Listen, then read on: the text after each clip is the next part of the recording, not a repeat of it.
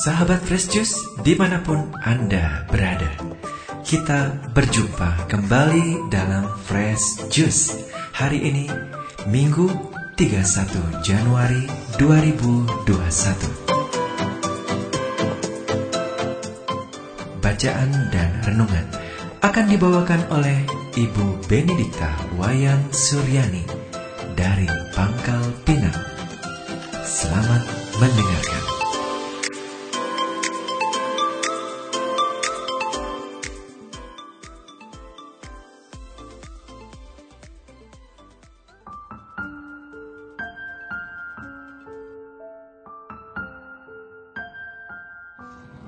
Halo, selamat pagi para sahabat Fresh yang terkasih. Saya bersyukur sekali hari ini boleh kembali menemani sahabat sekalian untuk mendengarkan dan merenungkan Injil Tuhan yang pada hari ini, Minggu 31 Januari 2021 akan diambil dari Injil Markus bab 1 ayat 21 sampai 28. Dari Taman Doa Paroki Santa Maria Pengantara Segala Rahmat Sungai Liat Bangka. Izinkan saya menemani sahabat sekalian dan marilah kita dengarkan bersama-sama. Inilah Injil Yesus Kristus menurut Markus. Dimuliakanlah Tuhan. Pada awal karyanya, Yesus dan murid-muridnya tiba di Kapernaum. Setelah hari Sabat mulai, Yesus segera masuk ke dalam rumah ibadat dan mengajar. Mereka takjub mendengar pengajarannya, sebab ia mengajar mereka sebagai orang yang berkuasa, tidak seperti ahli-ahli Taurat. Pada waktu itu, di dalam rumah ibadat itu ada seorang yang kerasukan roh jahat. Orang itu berteriak, apa urusanmu dengan kami, hai Yesus orang Nazaret? Engkau datang hendak membinasakan kami? Aku tahu siapa engkau, yang kudus dari Allah. Tetapi Yesus menghardiknya, katanya, Diam, keluarlah daripadanya. Roh jahat itu menggoncang-goncang orang itu, dan sambil menjerit dengan suara nyaring, ia keluar daripadanya. Mereka semua takjub, sehingga mereka memperbincangkannya. Katanya, "Apa ini? Suatu ajaran baru." Ia berkata-kata dengan kuasa. Roh-roh jahat pun diperintahnya, dan mereka taat kepadanya. Lalu tersebarlah dengan cepat kabar tentang Dia di segala penjuru di seluruh Galilea. Demikianlah Injil Tuhan. Terpujilah Kristus.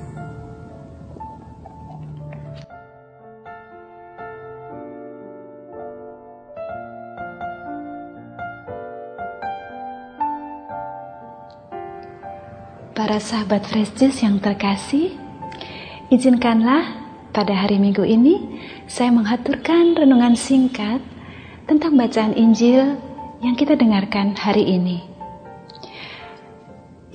Saya tergelitik tentang bagaimana orang-orang merasa takjub dan heran akan keajaiban yang dibuat Yesus dengan penuh kuasa mengusir setan-setan.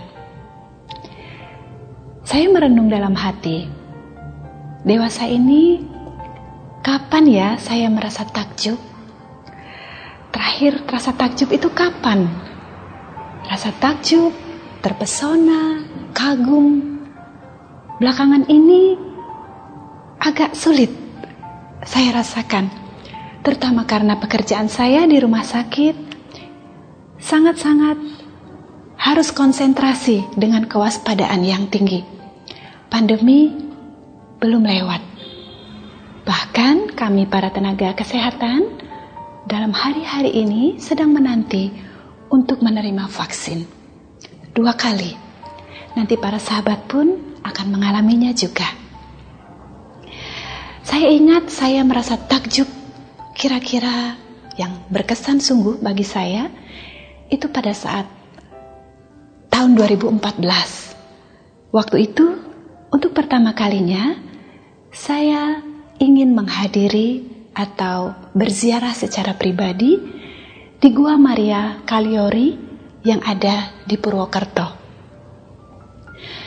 Waktu saya mahasiswa, saya tidak bisa ikut dengan rombongan mahasiswa yang akan berziarah ke Gua Maria itu karena mendadak saya kena cacar air.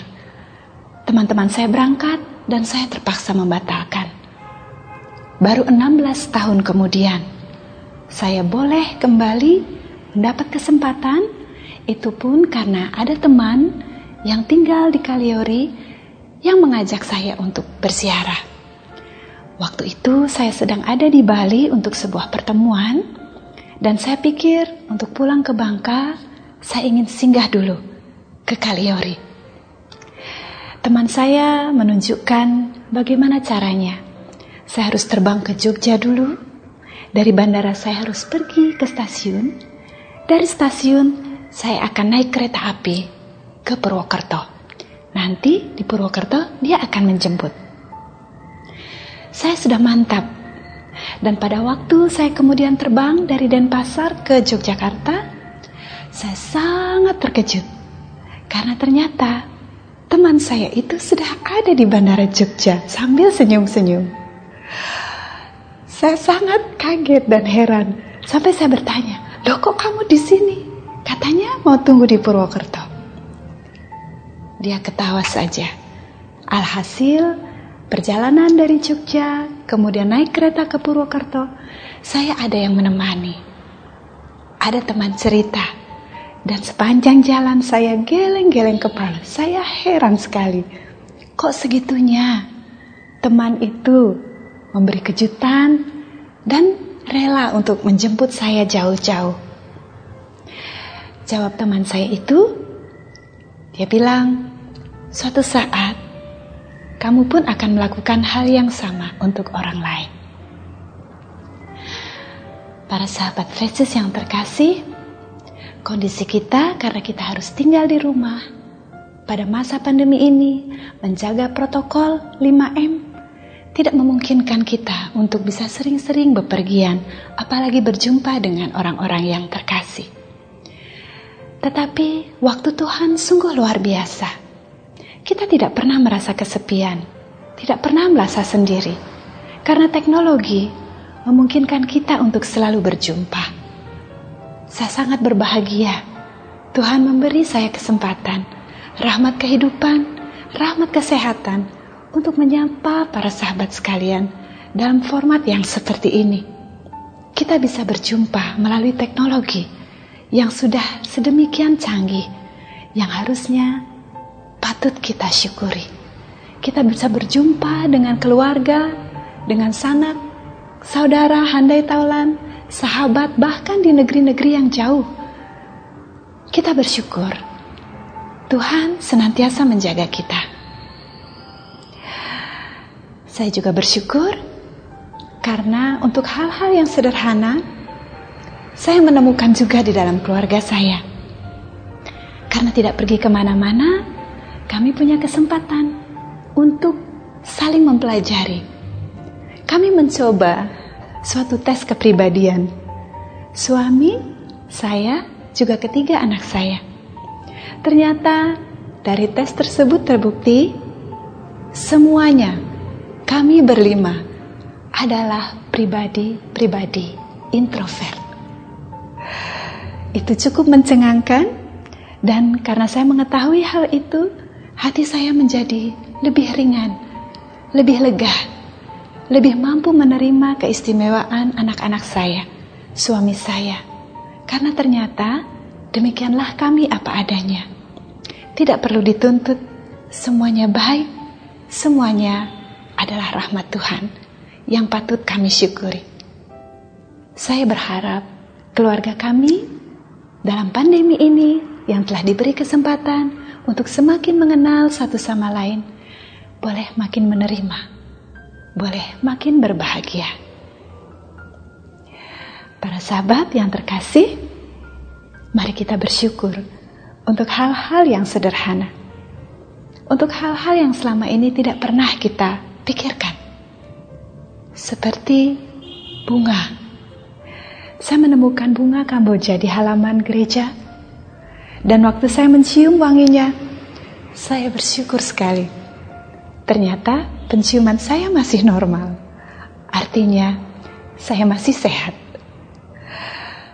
Sangat banyak alasan untuk bisa bersyukur, dan saya berharap para sahabat sekalian di hari yang istimewa ini, di hari Tuhan yang penuh berkat ini, juga di hari-hari berikutnya, boleh senantiasa dikaruniai rahmat untuk mampu menemukan percikan-percikan rahmat Tuhan yang telah tersebar di dalam hidup sahabat sekalian semuanya akan baik-baik saja. Ketika COVID rasanya makin mendekat karena telah menjangkiti sahabat, teman, kenalan, keluarga, percaya Tuhan lebih dekat lagi. Pada saat ada yang dipanggil menghadapnya, kita percaya bahwa dalam iman Tuhan telah menjadi jaminan. Tuhan telah memberi janji bahwa di kehidupan yang akan datang kita akan mendapat kehidupan abadi bersama dengan Dia. Selamat hari Minggu. Selamat menikmati hari ini. Tuhan memberkati. Salam fresh juice. Sahabat Fresh Juice, kita baru saja mendengarkan Fresh Juice Minggu 31 Januari 2021. Segenap tim Fresh Juice mengucapkan terima kasih kepada Ibu Benedikta Wayan Suryani untuk renungannya pada hari ini. Sampai berjumpa kembali dalam Fresh Juice edisi selanjutnya.